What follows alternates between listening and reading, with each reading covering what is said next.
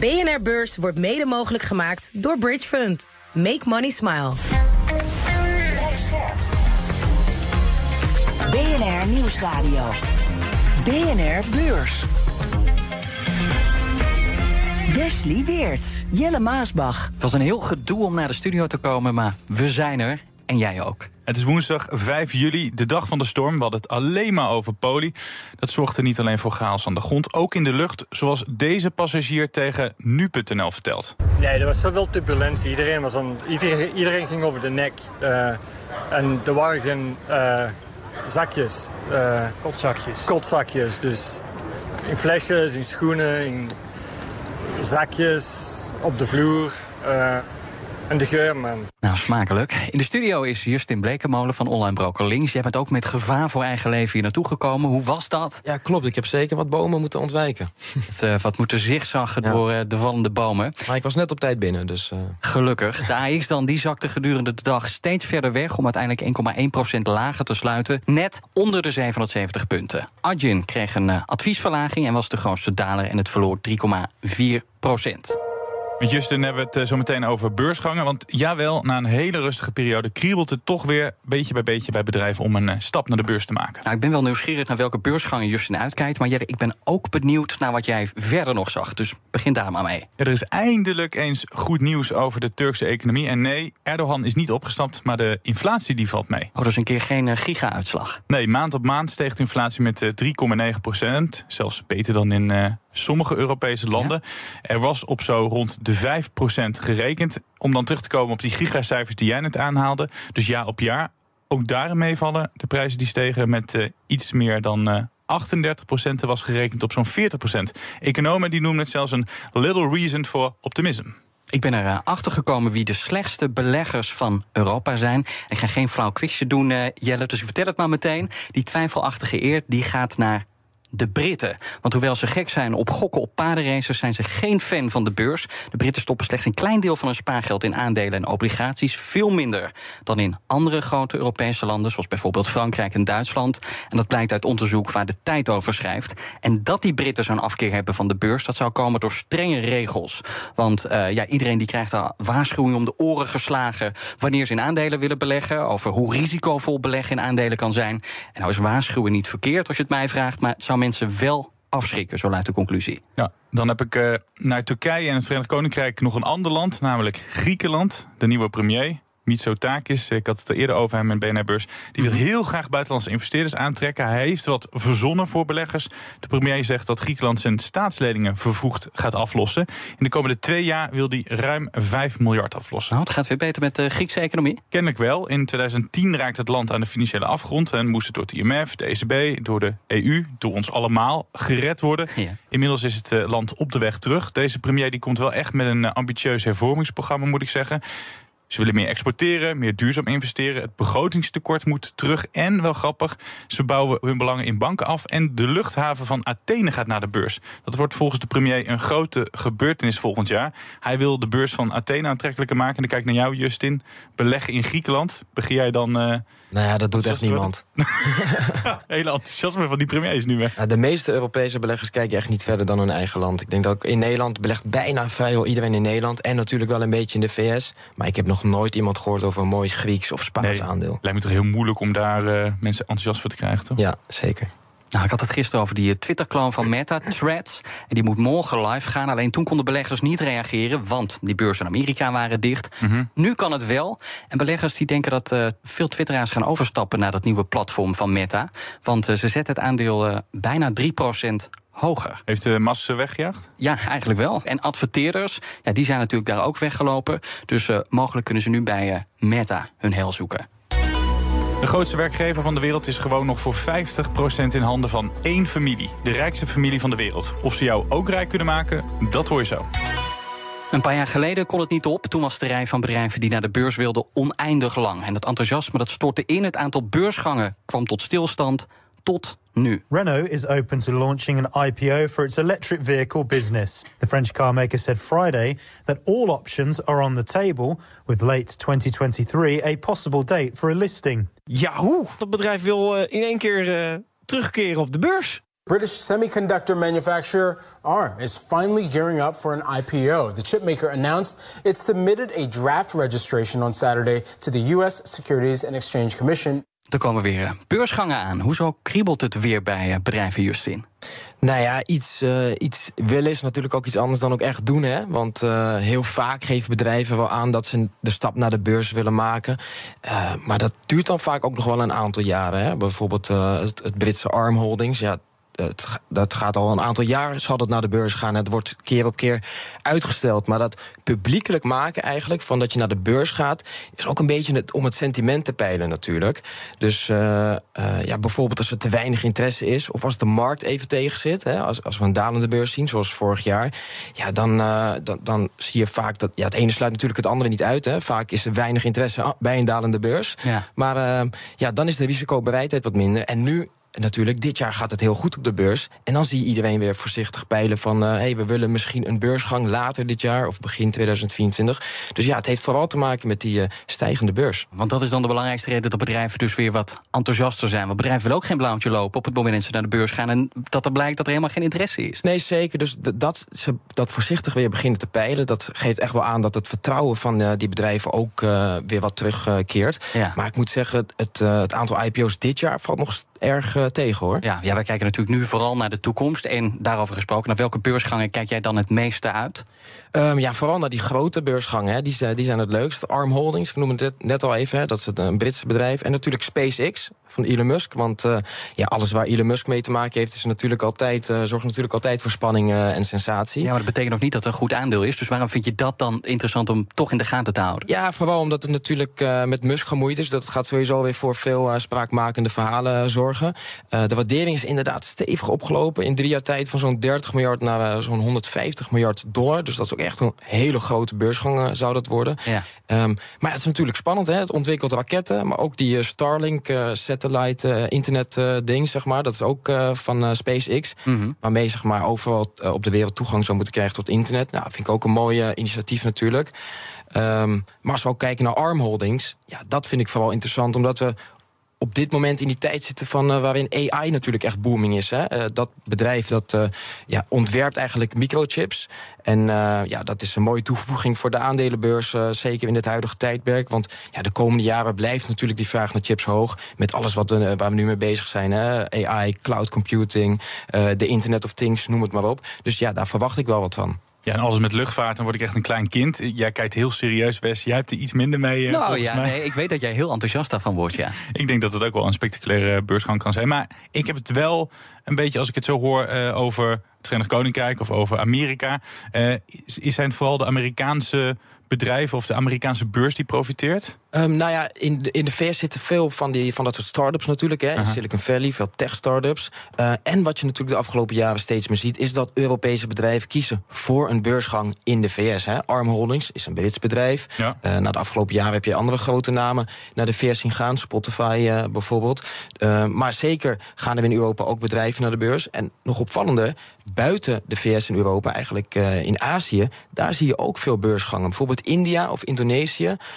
daar heb je natuurlijk ook veel bedrijven die zich bezighouden met uh, de verwerking van grondstoffen. Die natuurlijk bijvoorbeeld weer nodig zijn voor hè, batterijen of zonnepanelen. Dus je zag het afgelopen jaar best wel veel uh, beursgangen daar in die sector, zeg maar. En verwacht jij in uh, Amsterdam op het Damrak nog beursgangen? Nou ja. We hadden het net even over het verdeeldheid. Hè, van, uh, of nou, in ieder geval dat je niet zo snel kijkt buiten je eigen land. Uh, nou is Amsterdam best wel een een beurs met status. Dat hebben we afgelopen jaren ook gezien. Hè. Veel bedrijven kiezen voor een beursgang uh, in uh, Amsterdam. Dus... Al na de brexit, dat we in één keer populair werden? Ja, dat ook nog. Maar uh, ja, we hebben wel wat beursgangen hier gezien. Dus ja, dan verwacht ik wel weer wat beursgangen in Amsterdam. Maar je zegt het zelf al, wij kijken normaal gesproken vooral naar ons eigen land. Dat doe jij tot nu toe niet. Dus als ik dan ook nog een paar Nederlandse namen aan je vraag... wat zijn dan bedrijven waar jij ja, naar uitkijkt? Ik heb momenteel geen lijst in mijn hoofd van uh, Nederlandse namen. Maar er is ook niks, hè? Coolblue ja, misschien ja, wel ja, nog? Coolblue is ja. natuurlijk, ja, dat, dat, was ook sprake van hè, een aantal jaar geleden dat het naar de beurs zou gaan. Hebben ze het sentiment een beetje gepeild. Nou, toen uh, bleek dat toch niet zo heel veel vraag naar die aandelen. Toen hebben ze dat uitgesteld. Uh, maar ik verwacht wel dat dat ooit weer komt. Maar dan moet wel de economie een stuk beter voor staan. En Bol.com van Ahold Delhaize? Ja, daar hoor je ook niks meer van nu. Nee, zou ook nog een keer naar de beurs kunnen. Ja, beide uitgesteld. Maar uh, ja. ja. het zou leuk zijn als uh, dat soort namen op het Er komt toch nog wel wat aan dan. Ja, nou is het als belegger altijd natuurlijk een risico om te investeren in een nieuwkomer. Maar is dat risico nu groter? Want ja, je weet niet wat centrale banken gaan doen. Je hebt nog steeds onzekerheid over de economie. Jazeker, dat is ook de reden dat er zo weinig IPO's zijn geweest natuurlijk. Hè. Die stijgende rente, dat zorgt er natuurlijk voor dat er veel minder liquiditeit in die markt is. Ja. Uh, economische onzekerheid, hè. dus als er een uh, economische recessie aankomt... Ja, dan wil je ook liever niet in, uh, in een beursgang zitten. Want vaak gaan, gaan bedrijven wel voor, een, voor de hoofdprijs naar de beurs natuurlijk. Als je ook kijkt naar de beursgangen die een beetje zo in 2021 zijn geweest... Hè, toen was het echt hè, de, de IPO-bubbel. Ja, vrijwel al die namen staan onder de, onder de IPO-prijs. Maar is het sowieso wel handig om als particulier mee te doen met zo'n beursgang? Nou ja, volgens mij. Er is vast onderzoek naar gedaan. Volgens mij, even uit mijn hoofd, is dat meestal niet een hele slimme zet om bij de beursgang mee te doen. Nee. nee, maar bedrijven die lopen wel langzaam warm. Denk je dat beleggers ook weer warm gaan lopen voor deze IPO's?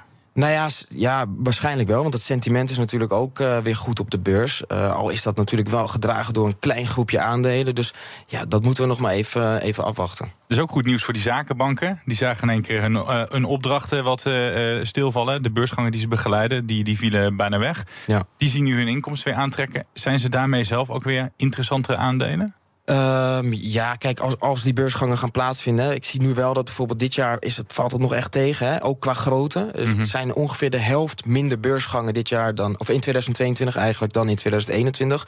Maar de totale omvang van het geld wat ze hebben opgehaald was zelfs 70% lager. Dus het waren ook wel echt steeds kleinere namen die uh, naar de beurs gingen. Maar het, het, ziet er naar uit, en dat verwachten ook zakenbanken, dat het eind 2023 en mogelijk 2024 wel weer gaat aantrekken. En dan moet je inderdaad wezen om daarvan te profiteren bij die Amerikaanse zakenbanken. BNR Beurs. Na een vrije dag wordt er weer gehandeld op Wall Street. En het is meteen spannend, want de vetnotulen komen vanavond naar buiten. En in de aanloop daar naartoe staan de beurzen op Wall Street lager. De Dow Jones uh, daar gaat 0,4% af. De S&P 500 staat 0,3% lager. En de Nasdaq eveneens 0,3% in de min. Netflix, uh, pik ik eruit, ging uh, een stuk hoger van start. Uh, want ze krijgen een upgrade van de analisten van Goldman Sachs. Dat heeft te maken met de klopjacht die Netflix opende op het delen van wachtwoorden. Kort gezegd lijkt het erop dat meer mensen zelf een abonnement hebben genomen, waardoor Netflix dus meer verdient. En daarom is het aandeel interessanter volgens de analisten van Goldman Sachs. Aandeel staat nu ja, miniem hoger, 0,2% in de plus. Nou, aandeel dat uh, fors hoger stond, in ieder geval bij opening van de beurs, is Rivian. Kreeg er 6% bij. Gebeurde na een adviesverhoging. En daar is nu van die winst van 6% is nu nog 1,8% winst. Alles over. loopt terug waar wij het ja, over hebben. Het loopt wel terug, maar desondanks timmert Rivian wel lekker aan de weg. Ze, zo rijden er de komende weken de eerste elektrische busjes met een Amazon-logo rond in Duitsland. En Amazon is niet de enige koper van die Rivian busjes, want in het afgelopen kwartaal heeft Rivian flink meer auto's afgeleverd. Ja, het gaat daar lekker bij uh, Rivian. BNR Beurs.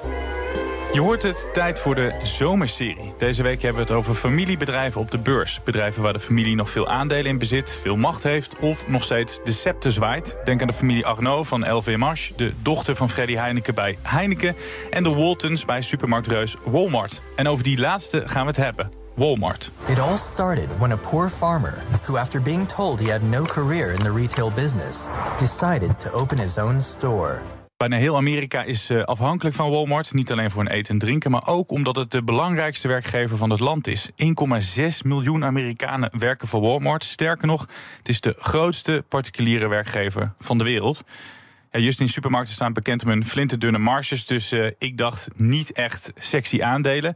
Maar wat vind jij uh, van het aandeel Walmart? Ja, het is wel echt een, uh, echt een mooi bedrijf. Want het is het grootste familiebedrijf ter wereld gemeten naar uh, omzet. Het is ook de meest populaire merknaam in de VS. Zelfs populairder dan uh, bedrijven als McDonald's bijvoorbeeld. En ja, het is echt een gigantisch bedrijf. Ik ben zelf ook wel eens in de VS geweest in dat soort supermarkten. Ja, dat zijn echt gigantische ketens. Een beetje zo'n tien Albert Heijns bij elkaar moet je bedenken.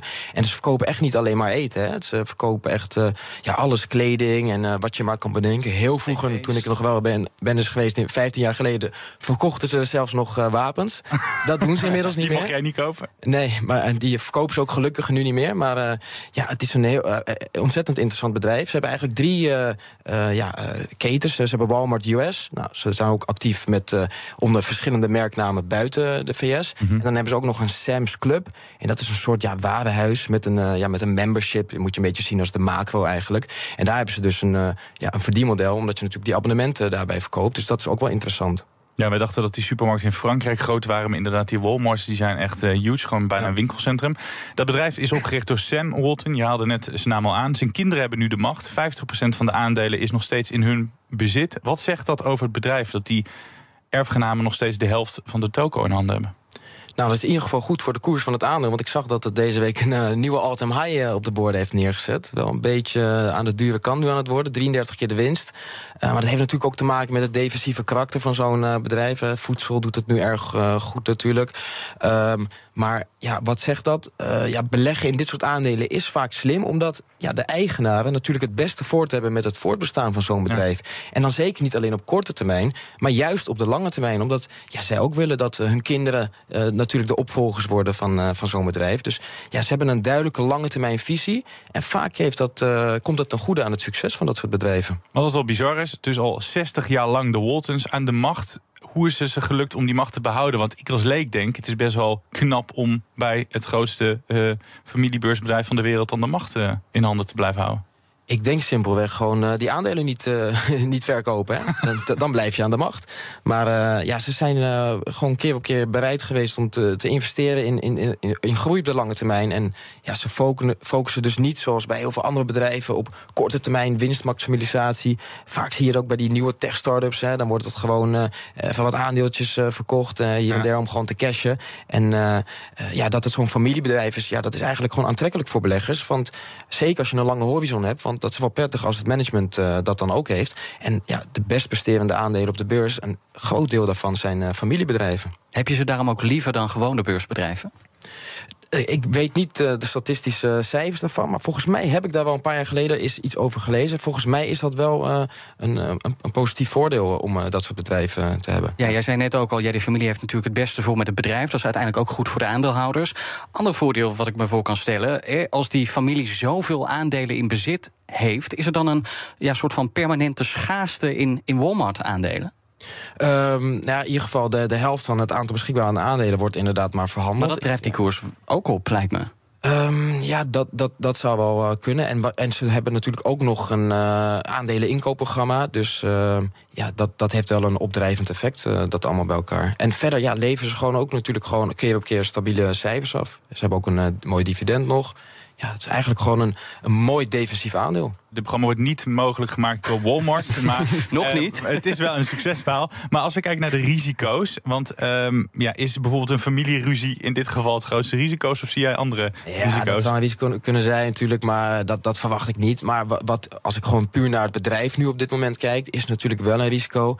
Um, de gedachte is natuurlijk dat supermarktketens het het afgelopen jaren heel goed hebben gedaan. Hè. We betalen allemaal veel meer in de supermarkt voor eten. Maar die marges zijn eigenlijk het afgelopen fiscale jaar gedaald omdat ja, die voedselprijzen, ook de inkoopprijzen zijn gewoon fors gestegen. En ze hebben dat, dat niet allemaal kunnen doorberekenen. Dus we zien eigenlijk dat die marges wat dalen. En uh, ja, die winst komt ook mogelijk onder druk te staan. En eigenlijk heeft die forse stijging van de koers ja. alleen maar geleid tot een uh, duurdere waardering. Dus het is inderdaad, uh, dat is een beetje een risico nu. Ja, wel gek, want ze zetten dan wel een all-time high neer. Terwijl jij zegt dat die marges wat, wat afnemen. Ja, omdat natuurlijk in, in tijden van onzekerheid, hè, van hoge inflatie en mo mogelijk een economische recessie, kiezen beleggers wel vaak voor de wat veilige aandelen. Ja. En dan kom je dus bij uh, supermarkets bijvoorbeeld terecht. Dat zie je ook terug in uh, waarderingen van uh, bijvoorbeeld Heineken en Coca-Cola en dergelijke. De Waltons, zeg je, hebben dus het beste voor met het bedrijf, met de aandeelhouders. Maar ja, vaak is het toch bij andere bedrijven ook family first. Maar wat goed is voor de familie, is misschien niet altijd goed voor de aandeelhouders. Hoe moet je dat als belegger dan mee omgaan? Nou ja, wellicht ook wel. Hè. Zij, hebben natuurlijk, zij zijn de grootste aandeelhouder. En uh, zij willen natuurlijk gewoon ook veel geld verdienen. Dus dat, dat, dan gaan ze natuurlijk ook voor een mooi dividend. En dat is natuurlijk wat de aandeelhouder wil. Dus ja, ik denk dat ze wel dezelfde belangen hebben daarbij. Ja. Maar als ik jou in het begin ook hoorde, dat soort beursgenoteerde familiebedrijven, het zijn goed om dat soort aandelen in bezit te hebben. Kunnen we kort over zijn, ja. Dit was eh, de woensdag. We kijken naar morgen, want dan staat er hoog bezoek op de planning. En dat is poging 2. Amerika stuurt weer een hotshot naar China.